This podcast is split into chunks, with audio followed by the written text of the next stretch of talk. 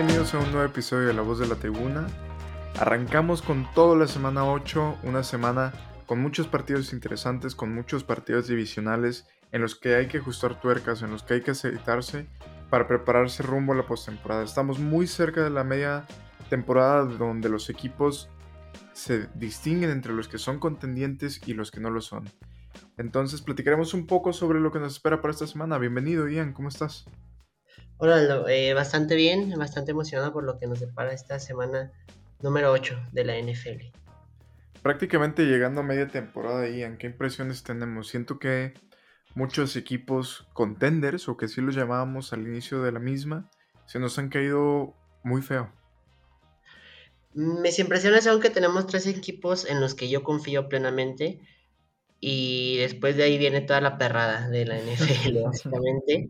Eh, porque sí, pues, básicamente confío en Buffalo, confío en Kansas City y confío en Filadelfia.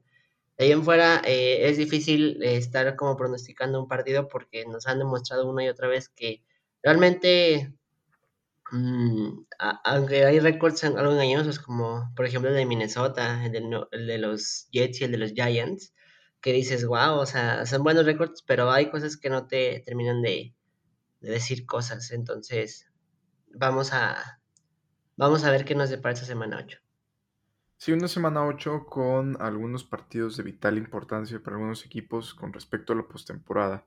Hablamos el caso de los Rams, hablamos también de los 49ers, de los Browns y por qué no hasta de los Bengals. Y un equipo que está urgido a ganar y que platicábamos la semana pasada fuera de grabación, los Green Bay Packers. Tenemos que encender las alarmas ya. Tres partidos al hilo cayendo y esta semana tienen una prueba muy difícil que si te soy sincero creo que esa racha negativa seguirá aumentando. Pero bueno, iniciando con la semana 8 y en platiquemos de lo que pasó ayer entre los Ravens y los Buccaneers, un partido que cierra en cinco puntos. La, la definición total es por 5 puntos. Los Buccaneers se fueron ganando por 7 al medio tiempo y ahora ellos son los que dejan ir la ventaja. ¿Qué te dejó este partido? Me deja un partido que hay una desconexión importante entre Brady y Mike Evans. Que se completó buenos pases y se ve los números, se ven bien, pero hay jugadas claves en las que Mike Evans vuelve como a, a soltar el balón o por ejemplo Brady le pone el pase muy atrasado. Hay algo ahí que no está funcionando todo, porque tú ves el número de, de sus números de recepción y son bastante buenos, a hacer recepciones para 123 yardas, pero si viste el partido sabes que, y te lo reflejan los targets, tuvo 11 targets, de esos, o sea, y solo completó 6 de, de esos targets, y, y, esos 11 fueron por, por los malos pases que puso Tom Brady y por las, los drops que cometió Mike Evans ese tipo de cositas son las que, a veces solo ves el número y dices, oh, tuvo un partido, pero realmente son cosas que preocupan. Eh, por otro lado, mm, Devin White, el linebacker de Tampa Bay, también eh, la verdad es que sufrió bastante durante el partido, se le veía muy perdido y son jugadores como clave en, este equipo eh, que fueron claves para ganar el Super Bowl hace un par de años y ahora no están funcionando. Además, sabemos que Tom Brady sigue este, con los problemas extra cancha fuertes en su matrimonio y es que se ve en la cancha, se ve un poco de, inarmonía, vaya. Del lado de, de Lamar Jackson, lo que sí me sorprendió de estos Buccaneers es que solo lo hayan dejado correr una yarda eh, eh, durante los primeros dos cuartos. Esto te habla de una buena preparación de Todd Bowles eh, de esta defensiva. Sin embargo, eso no fue suficiente para, para evitar la derrota de estos Buccaneers. Y afortunadamente para ellos están en una división bastante débil y que sigo creyendo que la van a ganar. Eh, pero, pero sí, sí hay cosas como que me muestran que estos Buccaneers podrían ser un one and done en playoffs. Sí, los Buccaneers que están en alarmas, igual que los Green Bay Packers, están en focos rojos, es de llamar la atención. Y sobre todo por lo que hemos visto de desconcentrar Tom Brady también, siento que este año en particular es Tom Brady solamente jugando partidos, incluso en las prácticas no asiste a todas las prácticas, tiene un trato preferencial, sí, regresa del retiro y todo, pero a final de cuentas, en un deporte que es en conjunto, como es el fútbol americano, que tu coreback, que es la pieza fundamental del ataque, que es el que inicia el ataque, no asista a todas las sesiones, que también tenga ciertos privilegios, que no esté en el grupo como tal, eso siento que también está afectando mucho el grupo. Y ojo con esto, lo mencionas del sur de la Nacional, está en una división muy débil, en ese momento es la peor de la NFL, si no me equivoco, y lo hablábamos que pensamos que iba a ser el este de la Nacional, que nos ha sorprendido, sí. Pero en el sur las cosas no pintan pues nada bien para los equipos. Tenemos a los Saints, a los Panthers con dos ganados, cinco perdidos. Y mientras tanto, a los Falcons 3-4 y a los Buccaneers 3-5. Eh, los Buccaneers tienen próximamente su descanso, pero también eh, van a cerrar el calendario con partidos divisionales, con los Falcons, con los Panthers y con los Saints. Les faltan esos encuentros. Es momento de ajustar ahora si quieren llegar a la postemporada. Y eso les puede. El llegar a la postemporada es siendo eh, líderes divisionales. De otra forma, veo complicado que este equipo llegue. Si los Falcons, por alguna u otra cosa, de rebote o como quiera, se llevan a esta división, los Buccaneers ni en chiste creo que lleguen a la, postemporada. Entonces, por eso te digo que es momento de ajustar tuercas ya y me quedo con eso de los Buccaneers, que tratan, tratan, al menos se vieron mucho mejor esta semana que la semana pasada frente a Carolina.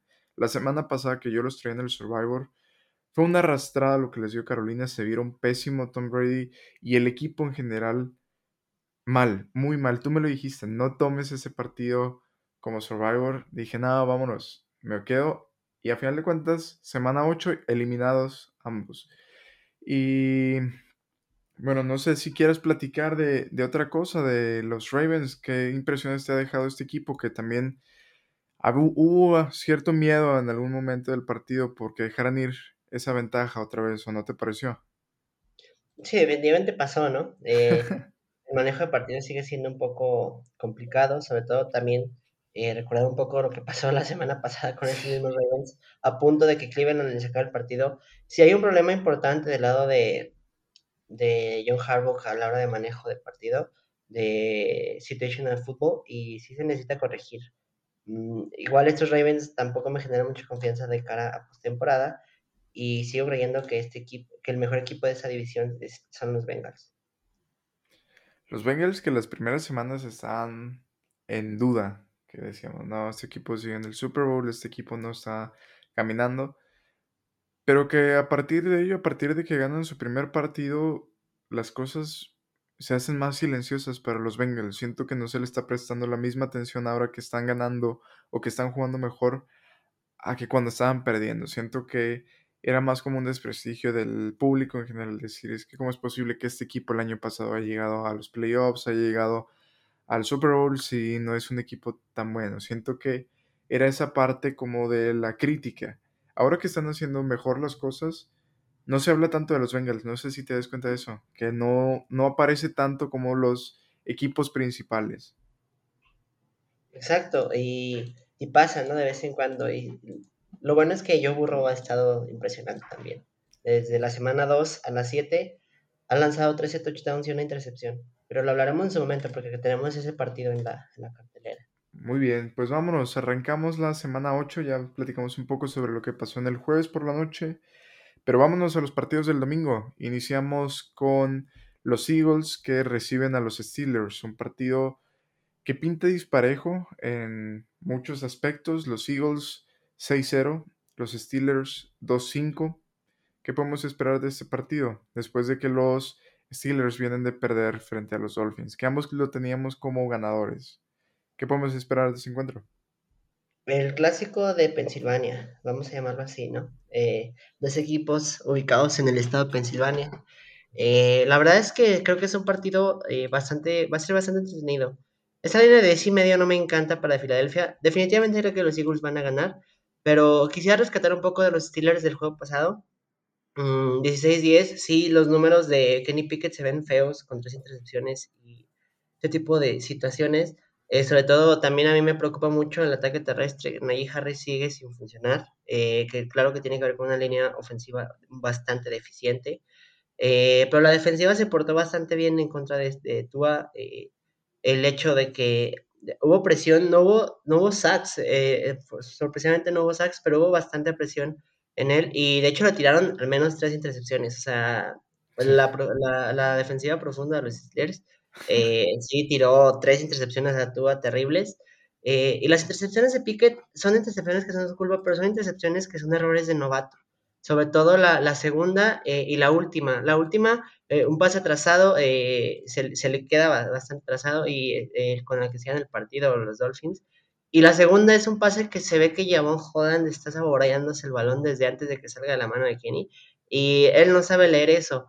Pero a mí no me preocupa tanto este, verlo tira y tira intercepciones. Claro que va a costar partidos, pero es parte de ese crecimiento. Y lo que sí me gusta de este jugador es que se le ve agresividad. O sea, sigue tirando y sigue, y sigue aprendiendo y, y empieza a leer jugadas. Eh, cuando es necesario escaparse por piernas, lo hace. Eh, y, y, rescatar también lo de George Pickens, el touchdown que se avienta es este, impresionante. Yo veo muy bueno, o sea, de aquí a un par de años probablemente Pickett Pickens podrían ser un, una buena dupla. Eh, no estoy hablando de que Pickett vaya a ser una superestrella, pero creo que puede ser un, creo que sí está mostrando cosas de, que podría ser un coreback eh, tal vez un poco arriba de lo que es Jimmy Garoppolo. Eh, así es como lo, lo, veo yo. O sea, un coreback que pues sí puede ser líder, puede sacar algunos partidos. Eh, repito, no veo tampoco una superestrella eh, como Pat Mahomes en Kenny Pickett, pero algo como, como tal vez un Derek Carr un poco mejor que un techito, un paso dos arriba de ellos, de estos corebacks que te menciono. Es lo que llevo en Pickett. Y bueno, eh, probablemente después de un buen equipo armado pueda ser suficiente para ganar anillos. Mm, repito, esta temporada ha estado complicado. O sea, va a ser complicado incluso que los Steelers tengan una marca ganadora este año. Y del lado de Filadelfia vienen de su bye week, pero el último partido este, ganaron a Dallas con hasta cierto punto bastante, mmm, yo lo diría, facilidad. Como que realmente no hubo un momento en el que dijeras Dallas va a remontar o Dallas está en el partido. Eh, se fueron 23 al medio tiempo, o sea, fue como que solo manejo de, de partido. Y es un partido que va a estar entretenido. Eh, algo que le den mucho a los Steelers es que permiten muchas yardas por acarreo y si Philadelphia se especializa en algo, es justamente en correr el balón. Pero ahora también lanzan bastante bien el balón. Eh, con, con AJ Brown ahí, con, con Jalen. O sea, hay cosas, hay muchas cosas de Filadelfia que, que, lo hacen bastante bien.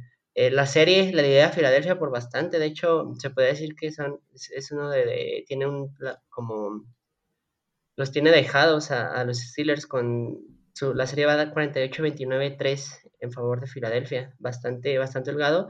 Y si no me equivoco, tienen más de 50 años los Steelers en no ganar en, en Filadelfia. Sí, es un partido que pinta complicado. La última vez que se enfrentaron fue en el 2020. La ganaron los Steelers, pero obviamente en su casa, la ganaron en Pittsburgh.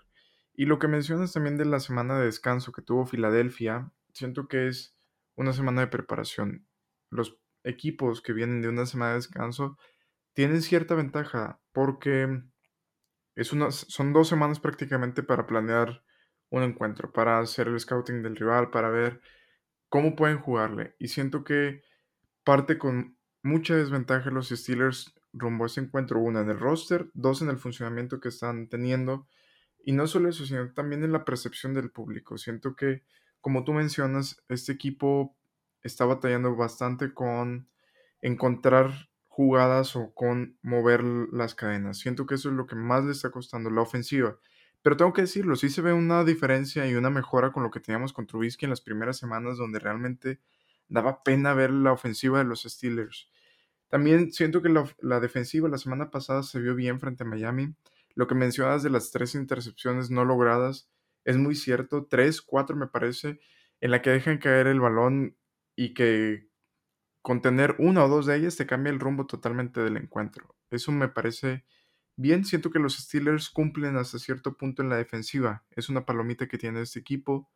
Y la ofensiva es algo que está tratando de acomodarse. También el tener un nuevo coreback en la semana 4, en la semana eh, a media temporada o cuando la temporada ya está iniciada, no es lo mismo que tenerlo desde la semana 1. Siento que el plan de juego y todo lo que gira alrededor de ello también está adaptándose a un nuevo coreback, a Kenny Pickett, y a cómo pueda funcionar con el equipo. Está encontrando también sus formas. Y recordemos que no es un coreback armado o con experiencia, es su primer año de rookie. Eso también es un factor muy, muy importante. La línea 10 y medio, Ian. ¿Te gusta para quién? Para los Steelers, sí, sí, creo que no va a haber una diferencia tan grande. Creo que justamente hay veces que la semana de descanso sí es ventaja, pero a la vez este, destantea un poco. No por eso es. creo que los Steelers vayan a ganar. O sea, de verdad creo que Filadelfia y mi pick es Filadelfia. Pero 10 y medio no, no me encanta la línea para, para los Eagles. Que puede pasar, ¿eh? Puede pasar así como lo dijimos en Buffalo hace un par de semanas. Eh, pero no, o sea, hay cosas que, que sí no creo que suceda. Yo también me quedo con la línea para los Steelers.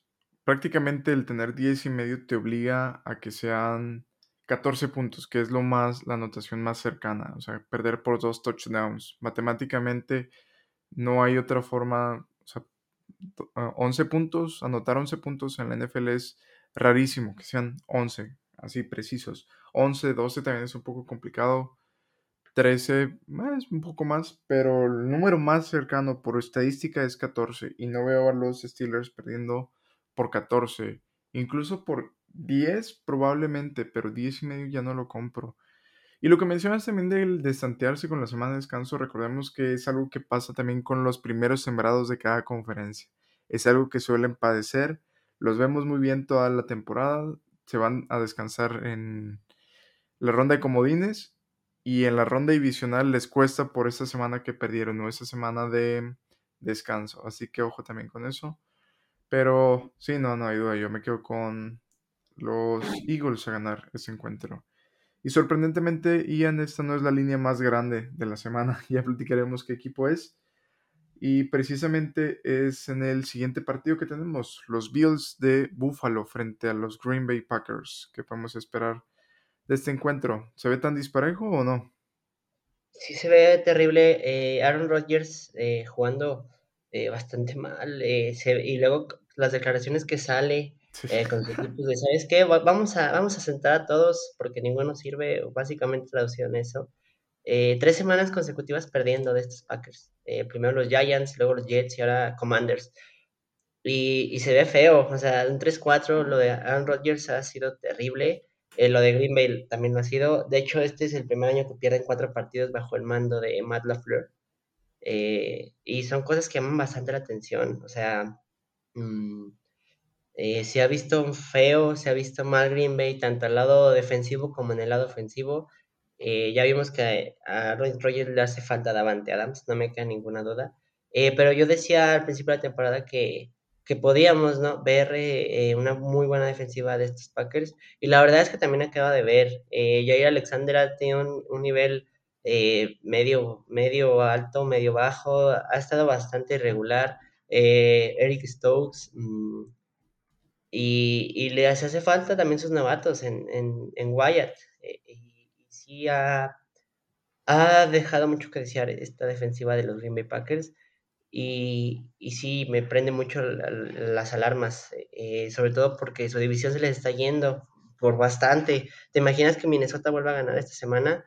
Eh, ya Sí. sean eh, cuatro partidos, si no me equivoco, de diferencia entre Green Bay y Minnesota. Y es ya veo como casi irremontable esa, ese, ese déficit ya en este punto de la temporada, ¿sabes? Eh, no imposible, pero sí casi estás sentenciando la división y, y solo aspirarías a un comodín. Y eso es lo que, lo que a mí me preocupa de estos Packers. Creo que Matt LaFleur necesita encontrar ya eh, maneras de, de, también bajar un poquito los humos a Aaron Rodgers, que en los tres años que ha estado ahí no lo ha podido hacer. Eh, y bueno, eh, la línea está en menos 11 en favor de Buffalo, que Buffalo viene de, de ganar un partido importante, ah, bueno, viene de semana de descanso, claro, pero antes de eso, eh, de ganar un partido importante en contra de, eh, de los Chiefs en Arrowhead, y, y, también haciéndolo bastante bien, o sea, Josh Allen jugando, jugando muy buen nivel, eh, o sea, me, me, gusta lo que, lo, que me lo que me está mostrando Buffalo este, este año y, y además no, no, cualquiera va y le gana a Kansas City en, en el Arrowhead. Entonces, eh, a mí sí me llama mucha atención, pero entiendo por qué está esta línea tan dispareja. 11 puntos la tengo yo. ¿Tú en cuánto la tienes? En 11. Sí, 11 puntos. Me parece que esta línea abrió en 10 y medio y se está haciendo hacia el lado de los Bills. Eso nos habla también de lo disparejo que es este encuentro. Y lo que mencionas también de la división del norte de la Nacional, yo pienso que esta semana los Vikings van a ganar. Tienen posibilidades reales de ganarle a los Cardinals, no tengo ni dudas. Incluso un pequeño spoiler es mi pick. Esta semana voy con los Vikings. Y de ser así, si los Green Bay Packers pierden esta semana, se les va la división por mucho. Incluso también la aspiración a la postemporada, porque en el este de la Nacional tenemos equipos con muy buen récord. Tenemos a los Eagles, que sin lugar a dudas van a estar en postemporada. Los Giants con un récord 6-1 tendría que pasar prácticamente una catástrofe para que no alcancen la postemporada. Los Cowboys también 5-2 y eso ya te reduce mucho las posibilidades de, de clasificarte porque estamos a la espera también de los líderes divisionales del oeste y del sur. Entonces se complica el panorama si los Vikings... Los Seahawks, o sea, hasta los Seahawks incluso están arriba de Green Bay en este momento. Así es, los Seahawks que para sorpresa de propios y extraños son líderes divisionales en la semana, a punto de iniciar la semana 8. Ojo con eso y también los tengo ganando. Ojo con eso, ojo con estos Seahawks. No van a lograr mucho, te soy sincero. O sea, siento que es un muy buen mérito de Pete Carroll y de el equipo que ha estado funcionando bien. Pero tampoco me deslumbro con estos Seahawks y digo, ah, sí, van a hacer gran, parte gran eh, juego en la postemporada. No dudo que lleguen, siento que pueden llegar, pueden llegar sobre todo por cómo está el resto de la nacional. O sea, pueden colarse ahí como, como último lugar en la nacional. ¿Tú qué crees? Es que justamente es como lo mencionas, Aldo, fíjate, en el este. Tenemos tres equipos que ahorita tienen muy buen récord. Eh, el, el, líder, el campeón divisional, y van a aventar dos comodines. Ahí ya de cajón ya solo queda un lugar para comodín. Porque aunque Tampa Bay termine con récord perdedor o el que me digas el sur, tiene que entrar uno por campeón divisional. Entonces, o sea, ya nada más tienes un boleto ahí, o sea, porque el, este de la nacional eh, ya tiene tres, el campeón y dos comodines.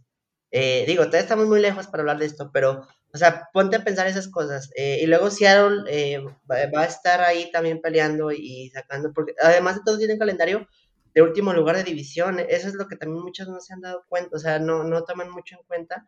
Eh, que claro que tiene partidos, eh, sobre todo dentro de su división, importantes, pero tiene partidos muy manejables.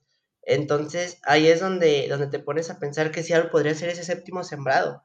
Eh, porque yo sigo creyendo que San Francisco va a ganar esa división, en el que sí ya tengo, ya estoy súper abajo y no sé si van a entrar a playoffs, también son los Rams. entonces, ahí tienes a, Green Bay como en ese limbo de ser ese 7-8 y es lo que preocupa realmente si no va a entrar a playoffs estos Packers. Y es que los Packers también tienen partidos muy apretados en la nacional precisamente. Esta semana tienen a los Bills. Pero después de eso tienen a los Cowboys, tienen a los Eagles, tienen a los Rams y tienen a los Vikings. Y fuera de eso tienen a los Dolphins del lado de la americana. Entonces es un calendario complicado, lo hemos visto. El calendario importa. Mientras los Seahawks tienen un calendario de último lugar de división, los Packers tienen un calendario de campeón divisional, que eso también influye es un poco más apretado. Eso complica también y prende las alarmas para estos Packers. Y lo que mencionas también de Davante Adams, le hace muchísima falta. Lo que se ha visto, los Packers, esta semana, el total para el equipo, ¿sabes cuánto es? ¿Sabes en cuánto está? ¿Cuál? El de los Packers, individual, Total Team. No, la verdad no. Team Total está en 17 y medio, me parece. El, ¿En cuánto crees que, que, que, alcancen estos Packers? O sea, frente a los Bills, que son una defensiva que se ha comportado bastante bien, una ofensiva bastante sólida también. Los Bills en este momento me parece que están dentro del top 3 de las defensivas y los Packers no están ni cerca del top 10 en cuanto a la ofensiva. Les ha costado también muchísimo mover el balón. O sea, lo vemos, por ejemplo, frente a los Vikings en la primera semana, 7 puntos. Después frente a los Bears, sí, los apalean, 27. Pero fuera de eso, les ha costado un mundo mover el balón. La semana pasada también frente a Washington, le sufrieron bastante. No es posible que que los equipos te sepan reaccionar muy bien en las segundas mitades. Es algo que se está demostrando con estos Packers. La primera mitad, ok, jugamos bien, pero la segunda apagamos el motor y que sea como tenga que ser. A ver cómo ganamos o a ver cómo competimos. Se ha visto inoperante la ofensiva de los Packers en la segunda mitad. Y eso es algo también de preocuparse. No puedes competir frente a un equipo que nunca apaga el motor, que te ataca los cuatro cuartos mientras tú solo atacas en dos. Eso también es algo de preocupar para este equipo y siento que lo vamos a ver. Me gustan los Bills y te soy sincero, siento que la línea se puede cubrir también. ¿Tú cómo lo ves? Yo también creo que la línea se puede cubrir y hasta con cierta facilidad. Eh, de hecho, hay una apuesta bastante interesante, que en qué momento vamos a ver a Case Keenum contra Jordan Love. yo digo que en el cuarto cuarto. pues no suena descabellado, ¿eh? la verdad. No suena nada, es como en la NBA, cuando ya los equipos están siendo apaleados, meten a la banca, meten a las reservas, y es como sacar la bandera blanca, vámonos a descansar todos. Y no me sorprendería tampoco. Así que, vámonos, ¿compras la línea para los Bills? Sí me gusta, honestamente sí me gusta por lo que hemos dado un equipo y otro. Un partido que también se juega en Búfalo y que Búfalo es de esos equipos que les gusta palear. Búfalo no es de esos equipos medias tintas que te dicen, ok, voy ganando por 10, bajo un poco las revoluciones. No, Búfalo te está ganando por 15 y sigue pisando el acelerador. Ojo con eso. Y... Aunque honestamente me llama mucho la atención el over el under. Dímelo, Chola, ¿en cuánto está? 47 y medio, o sea, está bajo. Me llama la atención. Es que es por lo que tienen a los Packers. A los Packers lo tienen anotando 17, entre 17 y 20 puntos. Esa es la gran diferencia. O sea, todos los demás puntos están para, para los Bills. En su casa están cumpliendo bastante bien con los, con los puntos. Le gusta cumplir en su casa y con su gente. Un 30 y medio el, el team total de los Bills. Y me quedo también con la línea. Me voy con la línea en ese partido. Me voy a ganar. Me gustan mucho los Bills y me quedo con eso. Así que vámonos. Ya platicaremos después del, de las impresiones que nos dejaron los Packers o si logran dar la campanada, que si te soy sincero, muy pocas personas los tienen esta semana, incluso con el... Bueno, vámonos con el siguiente partido, Ian, para cerrar la semana 8, una semana un poco corta. Nos vamos con los Browns que se miden a los Cincinnati Bengals. ¿Qué podemos esperar de este encuentro? Eh, mira, del lado de Cleveland eh, casi remontas, pero Jacoby Brissett es un quarterback muy limitado. Eh, se ve, eh, si bien no, no este, perdió el balón por intercepción, sí lo hizo por fumble. Y es un quarterback que es bastante limitado, pero a mí me da tristeza y me da coraje y también me da un poco de, de, miedo ver, perdón, ver a, ver a estos Browns que tienen un excelente roster que pueden competir bastante bien cuando llegue de Sean Watson. Y me da coraje porque sé que se nos va a olvidar eh, todo lo, maldita persona que es de Sean Watson cuando empiece a lanzar touchdowns, cuando se vuelva buenísimo eh, con este equipo y que pueda meter a Cleveland en, en esta división, este, a empezar a, a, ganar una y otra vez. Eh, eso me da, me da bastante, me da como, como coraje y, y, cómo se nos va a olvidar esto porque Cleveland tiene un muy buen equipo. El, el récord, eh, la verdad es que sí, también este partido Jacob Brissett se vio, se vio mal. Eh, falló solo cinco pases, pero es que tuvo los números y dices, pues eh, fue un partido decente de este tipo, pero, pero hay situaciones que, que no, no maneja del todo bien, entonces eh, yo estoy seguro que eh, con Deshaun Watson, si, si lo tuvieran tenido desde el inicio, probablemente este récord estaría volteado, en vez de los cinco serían 5-2 estos Browns, eh, no me queda alguna duda de ello, mm, sería una diferencia importante, eh, aunque yo sigo teniendo esa esperanza de que cuando regrese este tipo, eh, después de dos años de no jugar, no vuelva a ser el mismo. Sigo teniendo esa esperanza. Eh, y del lado de, de Cincinnati, eh, lo, del, lo de Burrow la semana pasada fue, fue espectacular con Chase, que va a estar fuera un, un tiempo. Seis semanas, ¿no? Me parece. Importante, exacto. Pero tiene a Tyler Boyd, tiene a T. Higgins, tiene a Hayden Horst, que, que lo está haciendo bastante bien. Eh, y a Mixon lo está usando bastante bien en los engaños. Entonces, eh, lo, de, lo de Burrow ha sido impresionante. Tuvo 501 yardas totales, 481 por aire y 20 por tierra. Eh, ha sido brutal, eh, fue brutal el rendimiento y está despertando este modo playoffs de Joe Burrow. Y este, además la línea ofensiva está empezando a funcionar un poco mejor de estos, de estos Bengals. Y, y, sí, es cierto, ganaron a Atlanta, tal vez un equipo que no, se, no sea como un contendiente, pero, pero lo ganaron ba con bastante facilidad de alguna manera. Y eso es lo, es lo que me quedo con esos Bengals. Y el, como el play, el, sí, pues las jugadas tan creativas que llegan a tener estos Bengals de repente y este dragón eh, que en cuanto regrese a llamar Chase va a seguir funcionando y carburando. Sí, prácticamente llamar Chase Espera, se espera que llegue para la última, penúltima semana del calendario y cerrar con toda la temporada para la postemporada. Me gusta lo que estoy viendo de los Bengals, me gusta ese cambio de chip que tuvieron después de perder dos encuentros que la gente los estaba tirando a la basura y que no los estaba poniendo como un equipo a seguir esta temporada. La semana pasada sí le ganan a los Falcons, lo que quieras, pero lo hacen de manera sólida, lo hacen de manera holgada, mientras que los Browns los tenemos como un equipo que está batallando, está tratando, tiene un buen roster, pero no encuentra cómo ganar. Estuvieron cerca de, ganarle a los Ravens de esa ventaja a través de perderle a la basura a los Ravens. Pero los Browns siento que ahí están, poquito a poquito, con lo que tienen en su quarterback, están buscando la manera de ganar. Les queda un calendario también un poco a modo, si te soy sincero, a estos Browns Frente a los Texans, después de eso, que es el regreso de, Sean Watson, tenemos a los Bengals, a los Saints, a Washington y a los Steelers, que prácticamente los Steelers en la última semana no sé qué récord tengan, pero así como tú lo dijiste hace un par de minutos, no creo y lo veo muy complicado que tengan un récord positivo. Imagínate que los Steelers estén 8-8 última semana frente a los Browns y que ganen o empaten. lo que sería, eso. Sería una malta porquería, honestamente. sobre todo contra Watson, sí. Sí, lo, lo, que sería ese partido. Pero bueno, ese partido se juega en, déjame decirte, se juega en Cleveland, sí, se juega en Cleveland. ¿Con quién te quedas con los puntos? ¿Con quién te quedas en la línea y con quién te quedas a ganar? Me gusta con toda línea Cincinnati. Ese tres y medio me, me gusta y creo que Cincinnati va a ganar y va a cubrir. ¿No te da frío ese punto 5? Ese No, honestamente no. O sea, realmente no, porque sí confío más en lo que me puede dar Burro que en lo que me puede dar Reset. Eh, y creo que tiene una mejor defensiva Cincinnati que lo que la tiene eh, Baltimore en este momento. A lo mejor no en nombres, pero sí en rendimiento de lo que me ha mostrado en la temporada. Sí, un partido que también es de mucha importancia dentro de la división, lo platicábamos. Los Bengals buscando aumentar ese récord están 4-3 buscan seguir y mejorar.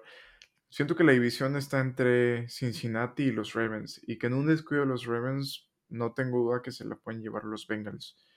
Los Ravens en este punto de la temporada están generando más dudas que respuestas, sobre todo por las ventajas y por el cierre de los partidos, lo que les cuesta cerrar los partidos a Baltimore Mientras que los Bengals es un equipo que está caído, caído, así igual que la temporada pasada y que está acercándose. Es, un equipo que funciona mejor cuando no tiene tantos reflectores, te soy sincero. Así que yo también me quedo con los Bengals a ganar esta semana. Y dentro de la división eh, norte de la americana también están solo detrás de los Ravens, pero que de, ganar esta semana se empata 5-3. Y vámonos con, eso. Pasamos ya al último partido que tenemos esta semana, a los 49ers frente a los Rams, un partido divisional, un partido que ya tuvimos hace un par de semanas donde hay una clara paternidad de parte de San Francisco hacia Sean McVay y sus Rams. ¿Qué podemos esperar? Justamente eh, se ve muy feo cómo perdió San Francisco la semana pasada porque la verdad es que Eric Binemi sacó a pasear a, a, Miko Ryans todo el partido. Esta defensiva de San Francisco se vio mal en varios niveles, un nivel bajo de, de, este equipo. Eh, McCaffrey tal vez no tuvo el debut que, que se esperaba, pero sigue siendo un equipo con mucho talento y eso es lo que, con lo que yo me quedo. Sí le permitieron de todo a Mahomes, de todo. Eh, incluso Brock Purdy al final del partido entró, o sea, ya fue como de, ya no vamos a arriesgar más a Jimmy. Eh, sí, la intercepción y el fumble, hay, cosas que se ven mal, o sea, San Francisco realmente dio un mal partido, eh, Shanahan tuvo un mal planteamiento y se ve feo ese 3-4, pero dentro de esa división sigo creyendo que son ese mejor equipo y sobre todo porque de los lados de Los Ángeles Rams he visto en seis partidos varias cosas que están terribles, además de que, por ejemplo, San Francisco ya se quitó un poquito ese, ese, esa paternidad de Pete Carroll, ese último partido que se enfrentaron. Entonces ya me demostró este equipo que puede ganar y que, y que lo puede seguir haciendo. Entonces, eh, me gusta, me gusta este partido para que San Francisco gane, como para que disipe, un poco las dudas, eh, McCaffrey pueda, pueda continuar con su adaptación a, a la Bahía. Y, y, además fue poco utilizado, vaya. Este, eso, eso también hay que, hay que tenerlo en cuenta. Eh, solo tuvo ocho acarreos. Digo, tampoco esperaba que llegara y, tuviera 50 carreros o, 40 toques. Entonces, mm, eh, yo tendría paciencia. Sí entiendo que se ve feo porque Kansas City sí les pasó por encima. Hubo un momento del partido que, que se veía 10-0. Dije, este partido va a estar bueno. Y de repente Kansas City empezó a anotar, anotar, anotar, anotar, anotar, anotar, anotar. Y dije, no, bueno, o sea, ya, ya hay cosas que no, que no se ven bien eh, en, este, en, este, en estos 49ers. Y sí, es, aquí fue un nivel de coaching muy bueno de parte de Bienemy eh, lado, del lado ofensivo y de Michael Ryans mm, se vio novato en este, en este partido. Creo que le dio cátedra y lo sacó a pasear durante todo el encuentro. Eh, a mí me gusta San Francisco para ganar de visitante, sobre todo porque también lo de los Rams ha sido terrible, ha sido un rendimiento terrible de estos Ángeles Rams. A mí también me gustan los 49ers a ganar y a cubrir. Si te soy sincero, estos Rams no se han visto nada bien. Lo que hemos visto de, del ofensivo también es muy pobre. Realmente no me convence nada. También Matthew Stafford con las intercepciones que ha lanzado. También lo que lo han capturado esta temporada es de preocupar. Y otro aspecto importante es la paternidad, que quieras o no juega un rol importante en el deporte y en la cabeza del rival. Es decir, sabes que este equipo nos ha ganado muchas veces, nos ha apaleado y sobre todo que lo tienes tan fresco. Hace un par de semanas, tres semanas, perdiste 24-9 frente a este mismo equipo y te viste mal. Así que eh, a pesar de la semana de descanso que tuvieron los Rams, siento que no convence. Si bien vienen de ganar en su último partido frente a los Panthers, un equipo muy pobre también. La semana anterior a eso pierden frente a los Cowboys y antes de eso frente a los Rams. Es un equipo que está teniendo muchas dudas y que me gusta para que San Francisco se saque, se sacude esa racha de derrotas, dos derrotas frente a los Falcons, frente a los Chiefs. Y me gusta mucho este, este equipo a cubrir, a ganar. También Jimmy G siento que necesita un poco más de tiempo. Siento que en algunos partidos te puede cumplir muy bien, tú lo has mencionado, te puede lanzar 300 yardas y en otro te puede lanzar una o dos intercepciones. Es lo que pasa con este equipo, pero si me pones en duda entre quién me quedo, entre Jimmy G y Matthew Stafford en esta temporada, en este momento me quedo con Jimmy G y también con lo que puede hacer el ataque terrestre de los 49ers, sobre todo por lo bien que le juegan a Sean McVay. Me gusta a cubrir ese equipo y obviamente a ganar los 49ers, que está en una línea de 1.5, está realmente muy muy cerrado a como lo pinta Las Vegas. El over-under, 42 y medio, ¿con qué te quedas? Híjole, es un, es un partido engañoso, pero me gusta para under, así como... A, mí también me gusta mucho para el under, me gusta, me encanta el under en, esa, en esta semana, si te soy sincero. Me quedo con San Francisco y con el under, me voy con, con eso. ¿Algo más bien de este partido, algo pendiente por ahí? ¿Alguna anotación? Bueno, pasámonos a, los picks. Vámonos con, con los picks de la semana 8. Que estoy eliminado del Survivor. Perdí la semana pasada con los Tampa Bay Buccaneers. Y me quedé con el coraje. Me lo dijiste, no lo tomes, no lo tomes. dije, nada, sí, vámonos. La línea me parece que cerró en 14 puntos. No, no sé si recuerdes en, cuánto cerró. Estaban 13, 14 puntos para cerró en 13 y medio, si no me equivoco, esa línea. Y fueron apaleados completamente los Bucks. La cubrió, pero Carolina. Sí, la cubrió Carolina. Entonces, por 28 puntos para los pronósticos, o sea, para cómo se esperaba este encuentro, fue, fueron más de 28 puntos de, diferencia a favor de Carolina. Así que, bueno, siento que también, eh, viéndolo en retrospectiva, siento que fue algo como inocente decir, ok, casi 14 puntos de visita partido divisional. No hay muy buenas señales ahí. Pero bueno, lo hecho, es, hecho está. El daño ya está hecho y eliminado del Survivor. Pero como quieran, les pasaré alguna sugerencia. Iniciamos, Ian, con los Broncos que juegan en Londres frente a los Jacksonville Jaguars. ¿Con quién te quedas? Mira, me interesa un pepino si juega Russell Wilson o si juega Brett Ripien. Eh, me quedo con Jacksonville en este partido. Vamos, vamos con los Jacks a ganar. La semana pasada los teníamos en los picks. Pierden, pero estuvieron cerca por ahí. Siento que estos Jacks van a carburar más pronto que tarde. Así que vámonos ambos con los Jacks. Siguiente partido. Eh, Pensilvania, el clásico de Pensilvania, los Philadelphia Eagles que reciben a los Steelers. Me quedo con Philly para ganar en casa. Philly, ambos. Y nos pasamos hasta Detroit que reciben a los Miami Dolphins. ¿Con quién te quedas? Miami, ese partido me gusta para Survivor. Miami Dolphins ganan el encuentro. A mí me mueve un poco, eh, si te soy sincero. Me, a mí no no, porque creo que Dan Campbell no va a estar ahí ya más tiempo. Honestamente, no creo que acabe la temporada, ¿eh? De verdad, es, un hot tape. Dan Campbell no va a acabar la temporada de Detroit. a mí me mueve un poco, me mueve bastante. Ah, no, no quiero comprar tanto que estos Dolphins siguen invictos con, con Tua. Me gusta más la línea, mucho más la línea 3 y me siento que puede ser un partido que los Lions pueden mantener cerrado. Y es un partido que se espera de muchos puntos, 51 y medio a como está la línea. Se espera que los Lions anoten, se han apagado en las últimas semanas en el costado ofensivo, pero siento que también pueden atacar bastante bien a estos Dolphins. Y los Dolphins lo de la semana pasada también me genera dudas. No me animo a tomar a, estos Lions en Moneyline, pero sí los tomo en línea. En la línea me voy con los Dolphins a ganar. Pero si te soy sincero, no me causaría nada de sorpresa que ganen estos Lions. Pasamos al siguiente encuentro bien. Los Chicago Bears que vienen de ganar frente a los Pats que ganaron bastante bien. me lo dijiste, apaleando. Frente a los Cowboys, ¿con quién te quedas?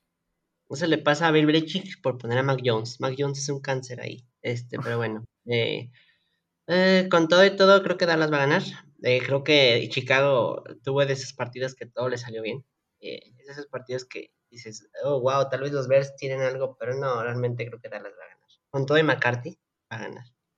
Me voy con los Cowboys también. Una línea de 10 puntos, tenemos varias líneas a mí esa línea no me gusta, o sea, eso sí para que, eso sí para que no me gusta la línea, eh, es que nunca tomo líneas de Dallas, Dallas es un, es un equipo que no me gusta tomar esas líneas, son muy malos cubriendo líneas los Cowboys. Sí, yo también me quedo con los Cowboys a ganar y la línea ni para uno ni para otro, siento que los dos tienen forma de cubrir y no, no me gusta, siento que los Bears tienen alguna forma de cubrir en el final del encuentro o los Cowboys de perder esa línea. Así que no, no me gustas. Me, me quedo fuera. Y vámonos con el siguiente encuentro. Las Vegas Raiders visita a los New Orleans Saints. ¿Con quién te quedas? Aquí con Las Vegas. Eh, yo creo que los Saints ya están pensando si Dennis Allen fue una buena decisión. Eh, la decisión de Sean Payton. Independientemente que esté Andy Dalton o James Winston o Ian Book o Tyson Hill o quien tú me digas, eh, Las Vegas Raiders van a ganar. Coincido contigo, incluso me gustaría tomarlo ya, la línea está en menos uno. Está Sí, ah, yo lo tengo todavía en uno y la, el Moneyline en menos 120. Me gusta para tomarlo ahorita ya antes de que suceda otra cosa a los traders. Siento que los traders también están haciendo mejor las cosas semana tras semana y que por ahí puede ser un área de oportunidad también para, para este equipo. Me quedo con los Raiders a ganar. Siento que esta semana tenemos muy, muy pocos picks contrarios. Vámonos con Atlanta que recibe a los Carolina Panthers. Mm, aquí me quedo con Atlanta. O sea, independientemente de lo que vimos la semana pasada de estos, de estos Panthers, eh, son creo que hay una sobreacción. Eh, y me gusta más Atlanta para ganar. A mí me encanta Atlanta, me encanta el menos 4, me gusta bastante. El Moneyline también, 200 menos 209. Te puede pagar bien si lo combinas ahí con algo. Me voy con Atlanta a ganar y cubrir partido divisional también. Ojo con eso. Nos pasamos al siguiente encuentro. Arizona Cardinals que, que recibe, perdón, a... No, no, no. Arizona Cardinals que visita, perdón, a Minnesota Vikings. ¿Con quién te quedas? Eh, un partido del mediodía. Un partido que nadie va a estar viendo. Entonces, Kirk Cousins va a ganar. Kirk Cousins gana, no es prime time. Nos vamos con los Vikings. Te lo mencionaba cuando hablábamos de los Packers, me gusta esta semana para que los Vikings ganen y para que se despeguen más en esa división. Voy con los Vikings sin duda. Partido divisional, el siguiente tenemos a los New York Jets que reciben a los New England Patriots. ¿Con quién te quedas? ¿Favoritos los Pats? No entiendo por qué. Y de hecho voy a tomar aquí a los Jets. Eh, sí, bueno, entiendo, déjame, sí entiendo un poco por qué. Si hay un, hay un algo terrible de estos de Bill Belichick sobre los Jets. Eh, los tiene de hijos brutales. Eh, la serie también está muy cargada a New England. Entiendo, pues no, sí, o sea, sí entiendo por qué está así. Pero, ay, es que a mí Mac Jones, si entra Bailey Zappi otra vez, probablemente sacan el partido, pero no, no, no, no me quedo con los Jets para ganar el partido.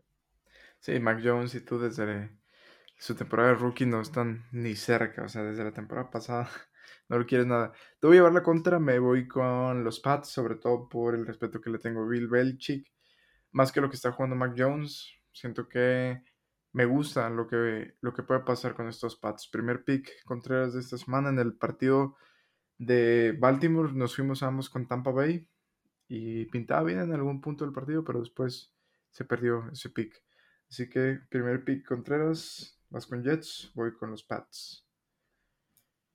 Siguiente partido, también divisional. Houston eh, Texans recibe a los Tennessee Titans. ¿Con quién te quedas? Esos son los partidos que más me dan miedo de Tennessee. Siempre, siempre. Este tipo de partidos son los que digo, hijo de Dios, este. Mm, no, debería ganar Tennessee. Tengo que irme con la lógica, pero no me sorprende nada si Houston gana. Nada, ni poquito. Incluso la línea está muy cerrada, menos dos y medio para. Y entiendo por qué, o sea, entiendo por qué lo está. Tennessee suele perder esos partidos. No lo pongan de Survivor, no lo pongan de Survivor. Que con ese salió ya en el año pasado. Efectivamente. Voy también con los Titans. Siento que los Titans en las primeras semanas los poníamos como un equipo que no iba a ganar su división. En este momento son líderes divisionales. Y que si los Jacks, que son el equipo para mí que les puede competir en la división, no despierta ya, se la van a llevar los Titans. Un año más. Así que me quedo con los Titans, un área de oportunidad para ganar y para solidificarse en esa división. Pasamos al siguiente encuentro. Los Giants frente a los Seahawks. Se juega en Seattle ese encuentro. ¿Con quién te quedas? Seattle sale como favorito y entiendo por qué. Este, lo de Pete Carroll ha sido muy bueno. Mm, híjole, me, ha costado tomar a Seattle semana tras semana. Eh, la serie está bastante pareja entre estos dos. Eh, hay un 10-9 en favor de los Giants. O sea, es una serie muy, muy cerrada. Mm, el último partido lo ganaron los Giants, justamente. Eh, pero sí, es que me gusta mucho lo que está haciendo Pete Carroll. Y, y, los Giants acaban de tradear a, otro receptor, a Kadarius Tooney, y lo mandaban a Kansas City Chiefs. Mm, híjole, creo que esta es la semana de realidad de, Daniel Jones, porque por más que lo esté haciendo bien, yo sigo, confío mucho en Dable, confío muy poco en Daniel Jones. Ah, me tengo que quedar con Pete Carroll. Me tengo que quedar con Pete Carroll. Por un momento pensé que íbamos a ir Contreras, pero estoy completamente de acuerdo contigo.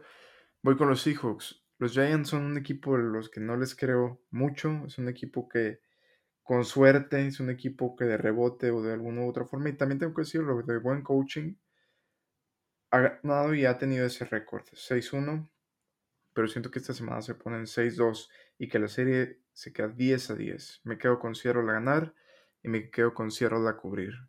Siento que por ahí puede haber un push, pero me gusta la línea. Menos 3 para, para Seattle. Así que vámonos ambos con Seattle y con Pete Carroll a ganar. Pasamos después a un partido de las 2 y media de la tarde, ya no es a las 3, con el cambio de horario. San Francisco 49ers visita a Los Ángeles Rams. ¿Con quién te quedas?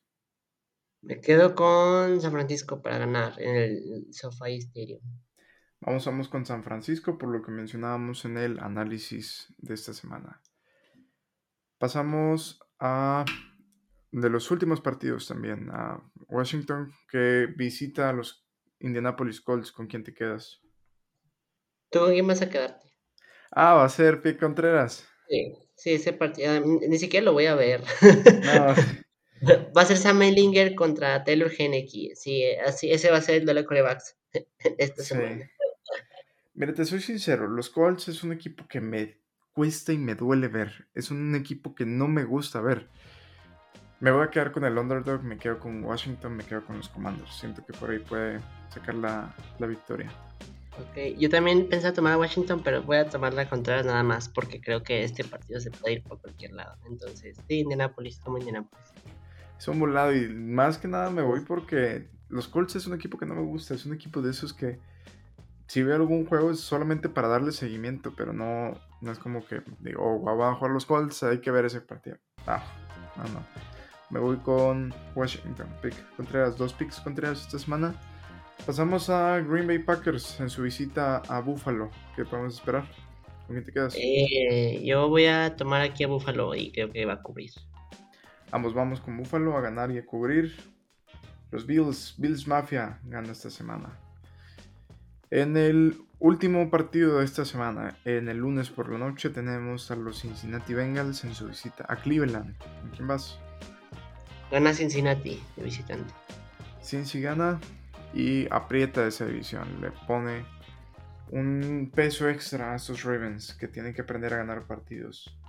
Bien, bien, tenemos dos picks Contreras. El del resto de los partidos vamos iguales. Ya platicaremos en la semana 9 cómo nos fue con los picks, cómo nos fue con los partidos, con las anotaciones. Y lo platicamos. ¿Algo más, Ian? ¿Algo pendiente de esta semana número 8? No, nada más. Bien, pues vámonos. Nos quedamos con, con eso y nos escuchamos en la semana 9, en la próxima semana de NFL en La Voz de la Tribuna. Compartamos tus redes sociales, Ian, por favor. Creo que sí, en Facebook me encuentras como Entrejo, en Twitter como Entrejo4 y en Instagram como Entrejo ya. A mí me encuentran en todos lados como arroba 13 Sin más, les agradecemos por escucharnos una semana más y nos escuchamos la próxima semana. Como siempre, nos vemos en la cancha.